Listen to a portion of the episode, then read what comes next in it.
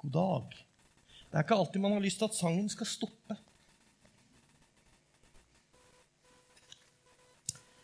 Ehm,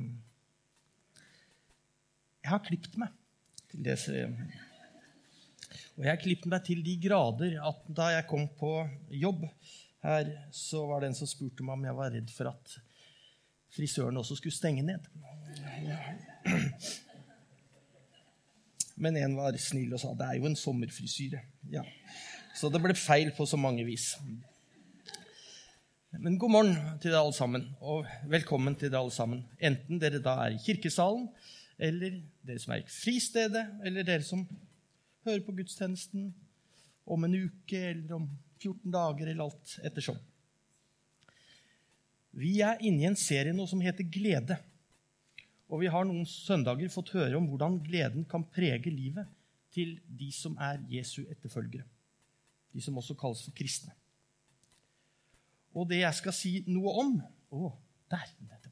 Jeg skulle ha fjernkontrollen, den glemte jeg helt av.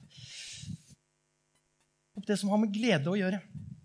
Men en del av den gleden over å få lov til å være i tjeneste, eller sagt på en annen måte trivsel og tjeneste, det var også tittelen på en bok som kom ut for noen år siden. Jeg tror det var i 98. Den er skrevet av Tonje Haukto Stang. Og det var en bok som gjorde en stor forskjell for meg. For plutselig så blanda man to ord som jeg ikke hadde hørt stilt sammen før, nemlig tjeneste og trivsel. Kunne det virkelig være slik at man kunne ta på seg en oppgave i kirka eller menigheta som passa sammen med det man likte, og det man kunne? Jeg hadde jo fått et inntrykk av at dersom man skulle gjøre noe for Jesus eller andre mennesker, så måtte man enten reise langt bort, Kina eller Madagaskar, eller sånt, eller om man bodde sør i landet, reise nordover.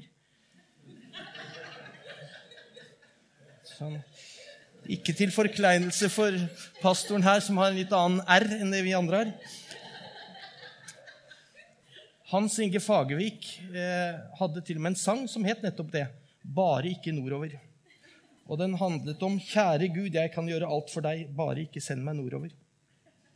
Men jeg trodde faktisk da at dersom jeg gjorde noe jeg hadde ekstremt lite lyst til å gjøre, da var det jeg gjorde noe for Jesus. Dersom det kosta meg ekstremt mye, da var, da var jeg der jeg skulle være. Men jeg var ikke fornøyd. Jeg trivdes ikke. Og jeg har eh, vært, eh, gått her i byen og delt ut traktater. Dere vet, Sånne små lapper der det står noe om veien til Jesus, eller om at du er verdt noe. Eller, det er mye fint som står på de traktatene. Men jeg og noen andre vi hadde fått for oss at det å dele ut traktater i køen på byens utesteder sene fredagskvelder, det var det Jesus ønsket av oss. For det var akkurat så intenst ubehagelig at det var det vi måtte gjøre. Så jeg gjorde det. Og jeg drev og delte ut eh, traktater på Rogers, eller prelaten, som det da het, til folk som ikke var spesielt interessert i å bli bedt med på et ungdomsmøte. De var mest interessert i å drikke øl og sjekke damer. De hadde ikke lyst til å høre på meg, men jeg gjorde det likevel. Jeg har eh, også solgt kristenrussavisa her i byen. Det høres jo ikke så spesielt ut, da. Men jeg var da iført russedress 14 dager etter 17. mai fordi at disse russeavisene kom for seint til byen. Og da trodde vi jo selvsagt da måtte vi jo gjøre det, da. Så det var en pinlig opplevelse en lørdag formiddag. Eh, men så har det da kommet ut en bok som sier at vi har noen naturgaver. Vi har noen ting som det faller enkelt for oss å gjøre. Og disse, nettopp disse gavene er det vi kan få lov til å bruke til beste for Kristi kropp. Jeg bruker et litt rart ord, men jeg skal komme tilbake hva Kristi kropp er for noe. Men dette her er jo helt fantastisk. Å kunne få gjøre noe som faller meg naturlig. Gjøre det jeg liker. Og så kan det i tillegg få lov til å bety noe for andre. For noen år siden så gikk det en sånn TV-serie, en sånn fredagsunderholdning. Og en del av det fredagsprogrammet var noen klipp som ble kalt 'Harald gjør ting han ikke kan'. Jeg tror flere av dere kan huske det. Men det var en litt sånn lett hengslete mann eh, som gjorde ting han ikke kunne. Det var ikke spesielt grasiøst. Det kalte på lite annet enn latter, og han som gjorde det, var veldig ubekvem. Vi, ifølge Tonje Haugto Stang, har fått muligheten til å gjøre det motsatte. Og jeg vil hevde at dersom vi gjør det som faller oss inn, og det som eller faller oss naturlig ikke alltid faller inn, men faller oss naturlig, så er det en glede å kunne få gjøre det. Da blir det rett og slett en gave for oss, til oss.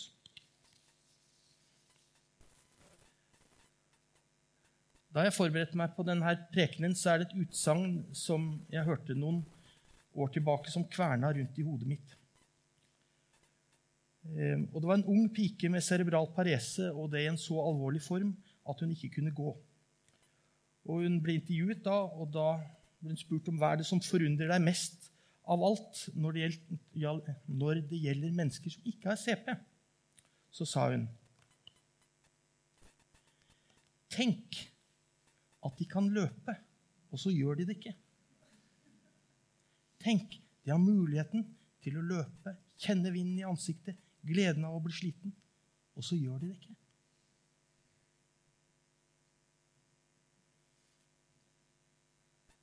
Jeg tenker at vi alle sammen har en mulighet til å bidra med det vi kan, der vi er. Og eh, da har jeg også lyst til, bedre, lyst til, at dere skal få lov til å bli litt bedre kjent med noen av de som går her på Frimisjon. Lyst til å intervjue noen av dem. Så hvis de som vet det gjelder, kan dere bare sette dere der. Birger og Tor Jonny. Dere visste at det var dere. Eh, men eh, bare sett det der. For det, jeg skal begynne med, med, en som dessverre ikke er her i dag. Det er eh, karantenetider, men jeg har fått lov til å fortelle historien. Katrine Labori hun har vært med i menigheten her i mange år. Hun har deltatt en årrekke som leder i jubelgjengen, eller A-laget, som det nå heter, barnearbeidet her på Frimisjon. Og jeg kjenner henne også fra jobben min på UNN, der hun er en helt fantastisk fysioterapeut og utgjør en stor forskjell der hun er. Og Jeg vet ikke hvordan det er med dere, men sjøl syns jeg det er helt greit å ha folk på besøk. Det trives med det. Men i jula, da vil jeg ikke ha folk andre enn de som jeg er i slekt med. Jeg er ganske eksklusiv.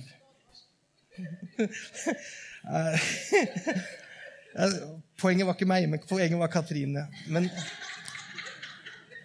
Katrine har fortalt meg nemlig at når det blir jul, så inviterer familien gjerne med noen inn i julefeiringa si. Hun forteller at i jula så kjenner de på at de bor langt unna sin familie. Og da inviterer de noen som heller ikke har familie her i byen, hjem til seg på julaften. Det kan være studenter eller voksne som bor langt borte fra familien sin. Gjerne utlendinger. Og de har hatt mange nasjonaliteter og mennesker fra ulike verdensdeler på besøk som ellers ville vært alene i jula. Og dette her er ofte mennesker som Katrine og familien ikke har møtt før nettopp på julaften. Når de står der på døra. Og Katrine la til da vi snakka på telefonen, at men det her er jo ikke noe spesielt. Og vi er jo ikke noe spesielle. Og vi har jo sjøl en så stor glede av det å få besøk. Så vi får jo masse igjen når de kommer til oss. Så er det jo ikke sånn at Katrine og mannen sitter alene. De har fire barn så i utgangspunktet, da. Så de er ikke helt alene, de heller. Nå skal vi få treffe han Tor Jonny. Tor Jonny og jeg vi har gått i Ja, må vente. Ja, bare, sjekk sjekk at han virker. Ja, den virker. Ja. ja tok jeg på deg. Uff. Men vi har gått i parallellklasse eh, på både barne- og ungdomsskolen. Ja. ja. Men det er vel egentlig de siste noen og 20 årene at jeg har lært deg å kjenne. Og jeg vet at du står opp hver eneste lørdag morgen tidlig. Du kommer først av alle til Frimisjonen og lager frokost til de mennene som deltar på Saturday Morning Men's Bible Study. Klokken 08.15 strømmer mennene på, og da er det én som har laga frokost. Og du da møter opp enda tidligere for å gjøre det her. Og det her har du gjort i flere år. Hvorfor gjør du det, Tor Jonny? Egentlig veldig nøye på eggene. Seks og et halvt minutt ifra de begynner å koke, legge dem kalde oppi, seks og et halvt minutt fra de koker, til de er ferdige. Ikke mer og ikke mindre. Nei da, det var egentlig bare tull. Nei, jeg syns egentlig det Jeg syns det er fint. Stå opp. Jeg, sov en halvtime lenger enn det jeg ellers ville gjøre, og så syns jeg det egentlig er ganske hyggelig å eh, få lov å lage kaffe og stelle til frokost. Men det er jo ikke helt, jeg kommer jo ikke alene. Han Steinar er med. Så, eh, vi, så vi er to stykker. Det er, som to er stykker. Ja. det er mest fordi at du har bil, da. Ja, ja. det er noe så. Nei, men det, er- det er Nei, men det, er- jeg, jeg, jeg syns det er veldig hyggelig, og så tror at det betyr noe for andre å komme og få spise frokost. Og så tenker jeg det at eh, det må man ha eh, for å få en, en ordentlig god samtale. Så bør, bør man være mett i magen. Ja. For hvis man ikke er mett i magen, og man begynner å diskutere, så kan det fort gå feil. Ja. Så det tenker jeg er meget ja. viktig. Føler du at det her er en tjeneste? Nei. Nei. Nei, jeg føler at det er hvis det tjener, altså, Kanskje jeg definerer ordet tjeneste feil, men når jeg tenker tjeneste, så tenker jeg at det er noe som jeg eh, noe som jeg gjør, men som kanskje ikke er helt sånn militærtjeneste. Det har jeg ikke lyst til å gjøre. Ikke, altså sånne ting. Så da tenker jeg at det er litt negativt. Men eh, dette her er ikke negativt. Nei, Det er jo bare hyggelig, Ja. rett og slett. Ja. Um, og så hadde jeg lyst til å spørre deg et sånt tredje spørsmål. Er, hvordan tar du trua di med deg på jobb? Nei, vi er en ganske artig gjeng som jobber i lag. Vi er som folk ellers, vi er ganske forskjellige. Jeg har en som er Jehovas vitne, som jeg jobber tett med, og så har jeg en som er eh, trommeslager i Nikkeby lufthavn. Det er litt sånn Det er mye lyd. Ja, det er mye lyd! Man bruker vondt i armene når man er ferdig å spille tromme. Så jeg fortelle. Men, eh, og det er veldig flott. Vi er en fin gjeng. Vi utfordrer hverandre på forskjellige måter. Noen er veldig å stå på, noen er- passer på at vi passer tida, og noen passer på at kaffen er klar, og at det bestandig er kaffe. Så det er jo flott gjeng. Men da eh, så Hello har brukt å sende meg sånne plussord som han Svartdal, tror jeg heter. som og så var det en gang da, han, eh, da vi hadde om relasjoner. Og det, jeg er litt opptatt av relasjoner. For jeg tenker uten relasjoner så er det veldig lite man kan få gjort. Eh, så da spilte jeg den der av, av til dem. Og da hadde vi en kjempeflott diskusjon om, om eh, relasjoner. Og, altså, og, og det som var så flott med Anders Svartdal, var at han starta ikke opp med Jesu Gud med en gang og fortalte om dette. Men han fortalte om hva relasjoner betydde for mennesker. Og så kom han inn på hvilke relasjoner Jesus prøvde å vise for mennesker. Blant annet med, med, med kvinner med brønn. ikke sant? Den, ja. eh, og da når jeg hadde spilt den der av, så fikk vi egentlig en kjempeflott diskusjon der vi alle sammen var veldig enige om at relasjoner betydde veldig mye. Yes, Så det er sånn ett eksempel på. Og så et annet eksempel er jo Gunnar er her borte. med å fortelle det at Vi bruker noen fredager så bruker jeg og Gunnar og par til. Vi bruker å gå i fjæra, finner vi ei hytte, så kler vi oss naken. Det er ikke hvilken som helst hytte. Nei da. da, det er ikke viktig. Nei, nei. Og det er ikke så nøye. Men så tar vi hatt på, og så går vi inn i badstua. Og så er vi der i flere timer. Men det bruker vi å gjøre på fredagene. Og da passer det litt dårlig at jeg skal stå så tidlig opp på lørdagene. Tidlig opp, men ja. Så nå i det siste så har jeg begynt å fortelle dem det at eh, vi må avslutte klokka 11. For jeg skal opp og inn på Frimisjonen klokka ja, tidlig på morgenen. Og det er det ingen protester på. Er ikke det ganske flott? Hæ? Ja, men sånt, det, det, det er sånn, ja. Tusen takk, Tor Jonny. Nå skal vi slippe til nestemann. Ja. Skal ikke ta på deg. Du kan. Birger, kan du få lov til å komme fram? Og Birger, vi ble kjent på Frimisjonen for to-tre år siden. Du og kona di, Anne, hadde bare vært innom Frimisjonen noen få ganger. Og da tok jeg et kontakt med han Kai, sønnen deres. Jeg visste jo hvem han Kai var, for han hadde vært her på Frimisjonen en stund allerede. Og jeg hadde da tenkt å verve han Kai til å bli med i huskomiteen. Men han var lynrask. Og avledet meg og sa at jeg burde heller spørre faren hans, som helt sikkert ville være med. Og jeg er vanligvis litt sånn forsiktig av meg til å spørre, men på kirkekaffen så regelrett heiv jeg meg over deg. Og eh, litt overrasket og litt nølende så svarte du ja. Og siden den søndagen så har du vært her mye. Du har jobba masse til vårt felles beste. Du har malt, du har skrudd, du har montert, du har pussa, du har saga, du har fortalt fra gamle Tromsø. Og innimellom så har du fått litt kaffe. To spørsmål til deg, Birger. Det første.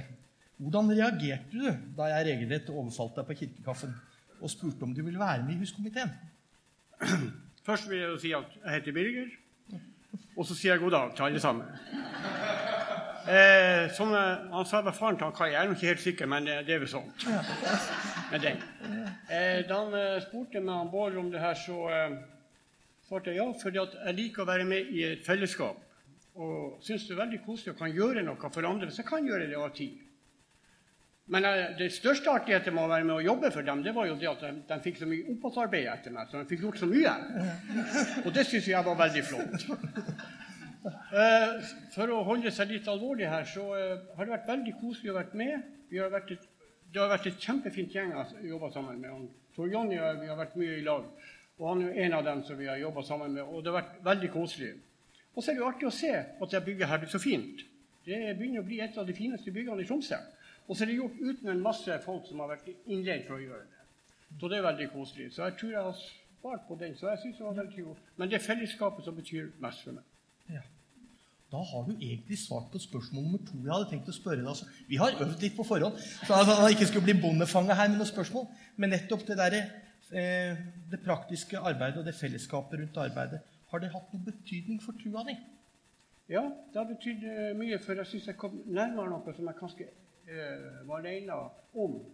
Og Kai har jo vært veldig eh, fin her, så vi har et, eh, en bedre forståelse av Kai kanskje enn vi hadde før. Ja. Og det har vel noe med at jeg hadde en jobb som var mye opptatt. Jeg har bestandig vært opptatt. Og så ble jeg pensjonist, og jeg tenkte jeg skulle få så god tid. Ja. Men eh, det blir jo ikke sant. Dere kan glede dere til å bli pensjonist. Da dere dere virkelig travle. Tusen takk, Birger. Takk selv. Og takk til han eh, Tor Jonny. Og Men vi er, vi er ikke ferdige ennå. Vi har en til. Siv, kan du være så snill å komme fram? Du har jo allerede vært her og presentert deg. Og jeg vet at du er glad i å gå på tur. Og det er jo en liten gjeng på Frimisjon som regelmessig går på tur sammen. Og jeg vet at du har fortalt historien tidligere, men jeg ønsker at du forteller en gang til om den gang turgruppa var på tur i Indre Troms for en stund siden. Det er egentlig en kjempelang historie. Jeg setter sittende her en time Jeg skal til. sjekke klokka. Nei, men skal være kort og effektiv. Eh, I alle fall så for vi til Indre Troms, turgruppa. Eh, og eh, det var han Gunnar, jeg ser han er jo her. Og Line var også med, kona hans. Og så var det han Trond Bjørnstad. Eh, han ser jeg ikke her. Eh, I alle fall, vi for av gårde glad og lykkelig på tur. Og på fjellet så møter vi altså på hytta, det heter Rostahytta. Der møter vi ei jente fra Tyskland. Hun sjekker inn på samme hytta som oss. Og så viser det seg at hun er ganske mye dårligere utstyrt enn hun trengte å være for å være på tur i nordnorske fjellheimen på høsten. Eh, det var ingenting å si på hennes fysiske helsetilstand, ei heller hennes mentale helsetilstand. Hun var sterk og tøff jente, så var det alle forutsetningene i bunnen for å være på en sånn tur. Og hun skulle være elleve døgn i fjellet og gå fra hytte til hytte. Men hun var på sitt tredje-fjerde døgn da hun møtte oss. Og da var det begynt å skjære seg. Hun hadde for dårlige sko, fått enorme gnagsår på beina og blitt åpne sår. Og hun hadde litt for dårlige klær og frøs. Eh, Så da var vi så heldige, vi som var på tur, vi fire, at vi fikk eh, eh, dele både det vi hadde med oss av mat, og vi hadde med oss eh, fersk påfylte førstehjelpsskrin, og vi hadde en handyman i han Gunnar som fiksa litt på skoene hennes. Eh, og så hadde vi en fantastisk samtale med henne eh, den kvelden på hytta. Og det viste seg at hun var et, et kristent menneske. Eh, men en ei livshistorie som gjorde at hun hadde lagt ut på bl.a. på denne ferden. Og hadde egentlig kommet så langt at hun hadde sagt til Gud at hvis du finnes, så må du vise deg for meg nå. Eh, og i denne krisen hun endte opp i, eh, så, eh, så, og, og, da møter på oss 'Are you Christians?' sier hun til oss. Eh, å ja, det er vi. Og så var det en eh, forbindelse der. Det er også, Enden på historien er ikke der heller. Den er sånn at eh, vi ser at hun kan ikke fortsette den ferden sin. Så vi tar henne med oss ned av fjellet dagen etterpå. Vi tar henne med oss til Tromsø. Hun Lina og Gunnar innlosjerer henne ei hel uke hjemme hos seg. Og får være med på litt eh, treff av både ungdommer og litt i hjemmene til oss her i kirka. Og så til slutt så blir hun kjørt tilbake til Kiruna, der hun hadde en, eh, et fly som skulle gå en bestemt dato hjem. Eh, for oss som var vi fire som gikk på tur, så gjorde vi jo bare noe vi elska, nemlig å gå på tur på fjellet. Og så fikk vi møte på denne skipbrudne jenta som eh, hadde et konkret behov, og som ropte på Gud. Og det, for oss var det vært veldig sterkt, og vi snakker ennå om det. Det er et år siden. Vi snakker ennå om det når vi møtes. At det var en spesiell opplevelse. Og vi følte kanskje at vi fikk lov å være veldig sånn konkret med Jesu hender og Jesu føtter. Tusen takk, Siv.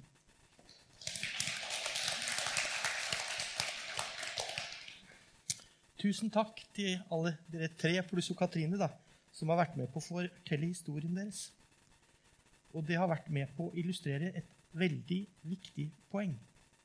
Dere har brukt av deres evner, omtanke, omsorg, naturgaver til felles beste for oss alle. Og det har vært helt, en helt naturlig del å gjøre for dere. Jeg har ennå ikke lest fra Bibelen, og det er det jo for så vidt vanlig at vi gjør i forbindelse med en preika. Jeg har ikke glemt det, jeg hadde bare lyst til å høre historiene først. Fordi Bibelen beskriver egentlig akkurat det samme, og det har den gjort for lenge siden. Og samtidig så kommer forklaringen på Kristi kropp. I Paulus sitt brev til romerne så tar han for seg nettopp det vi har snakka om her i kapittel her i dag. Kapittel 12, vers 4-8, så står det Vi har én kropp, men mange lemmer alle med ulike oppgaver. På samme måte er vi alle én kropp i Kristus, men hver for oss er vi hverandres lemmer. Vi har forskjellige nådegaver, alt etter den nåde Gud har gitt oss. Den som har profetisk gave, skal bruke den i samsvar med troen. Den som har en tjeneste, skal ta seg av sin tjeneste. Den som er lærer, skal undervise, og den som trøster, skal virkelig trøste. Den som gir av sitt eget, skal gjøre det uten baktanker. Den som er satt til å lede, skal gjøre det med iver. Den som viser barmhjertighet, skal gjøre det med glede. Det er ikke første gangen, eller den eneste gangen han bruker det, dette bildet. For i 1. Korinterbrev, vers 12, så står det Slik kroppen er én, selv om den har mange lemmer, og alle lemmene utgjør én kropp, enda de er mange, slik er det også med Kristus. For med én ånd ble vi alle døpt til å være én kropp, enten vi er jøder eller grekere, slaver eller frie. Og alle fikk vi én ånd å drikke. For kroppen består ikke av en kroppsdel, men av mange. Om nå foten sier 'fordi jeg ikke er hånd, så hører jeg ikke med til kroppen', så er den like fullt en del av den.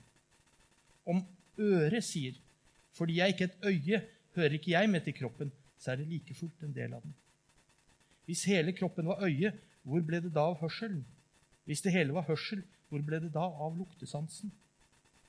Men nå har Gud gitt hver, hvert enkelt lem sin plass på kroppen slik han ville det. Hvis det hele var én kroppsdel, hvor ble det da av kroppen? Nå er det mange kroppsdeler med bare én kropp. Øyet kan ikke si til hånden 'Jeg trenger deg ikke', eller hodet til føttene 'Jeg har ikke bruk for dere'. Tvert imot. De delene av kroppen som synes å være svakest, nettopp de er nødvendige. Paulus skriver at når vi tror på Jesus som verdens frelser, så er vi å regne som en kropp. der vi alle sammen har hver vår funksjon. Og for at menigheten skal fungere til hensikten, så får vi alle bidra med det vi er, og det vi kan. Jeg anser meg sjøl som veldig privilegert å få lov til å bidra inn i den menigheten her. Vi bodde et år i USA for ti år siden. og Der hadde jeg et intenst ønske og lyst til å være med i, lovsangs, i et av lovsangsbandene der. Og være med og bidra inn det, i den funksjonen. Men de hadde ikke bruk for meg. Og det var en enorm skuffelse. Jeg ble gående uvirksom og likte det ikke. Jeg syntes det var vanskelig, fordi at jeg hadde ikke funnet plassen min. Hva er hensikten med menigheten, da? Hensikten med menigheten er å være et fellesskap av mennesker som ærer Gud og elsker hverandre. Og når vi gjør det siste, når vi elsker hverandre, så hjelper vi hverandre. Da Jesus ble spurt om det som var viktigst, så svarte han slik i Matteus 22. Og han sa nettopp det her. Du skal elske Herren din Gud av hele ditt hjerte og av hele din sjel og av all din forstand. Det er det største og første budet. Men det andre er like stort. Du skal elske de neste som deg selv.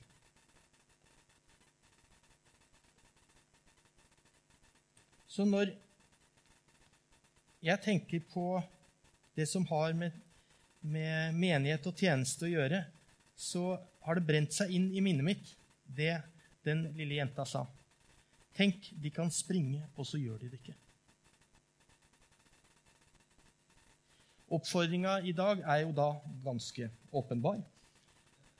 Det er en plass for deg. Det er en plass som er ment at du skal fylle. Det er faktisk lov til å prøve seg fram også. Teste ut. For vi har ganske mange forskjellige, forskjellige ting vi kan gjøre eller bidra med. Og Jeg ønsket å vise med de her fire personene som stilte seg tilgjengelig, som fikk fortelle hver sin historie, at det er veldig mange må måter og andre ting både må og bør gjøres enn bare det som sies i kirka her på søndager. Jeg har mange ulike interesser som er viktige for meg.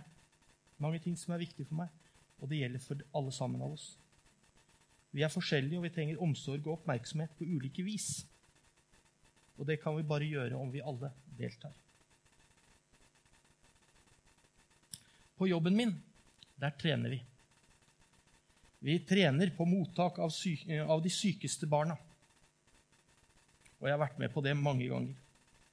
Og grunnen til at vi trener, det er for at hver enkelt av oss skal finne sin plass, slik at når det virkelig skjer noe akutt, så er vi klare. Da vet vi at den gjør det, og den gjør det, og den gjør det. Da trenger vi ikke å bruke tid på å finne ut av hvem som gjør hva.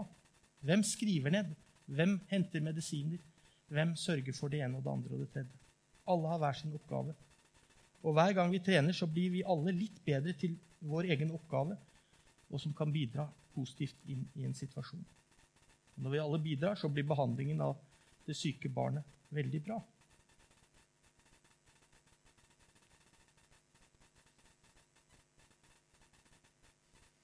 Jeg tror at de fleste av oss ganske fort vet hva det er vi kan bidra med. Men om du skulle være usikker, så bruk litt tid, da. Bruk litt tid på å be til Gud.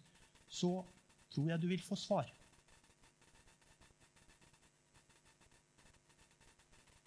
Og eh, nå tror jeg noen av dere allerede har fått levert ut et sånt kontaktkort. Men nede, nede i, eh, i, første etasje så finnes det sånne kontaktkort. Du kan velge om du vil bruke noe, et kontaktkort eh, for å tilkjennegi hva du har lyst til å bidra med. Eller så kan du snakke med pastoren vår, Ellen Merete, som var her framme litt tidligere.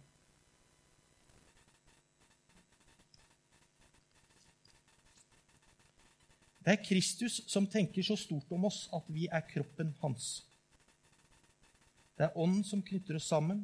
Det er Far i himmelen som har skapt oss forskjellig, og likevel i en vidunderlig enhet. Jeg vil avslutte med å omskrive utsagnet til den unge jenta med CP. Tenk at vi kan tjene.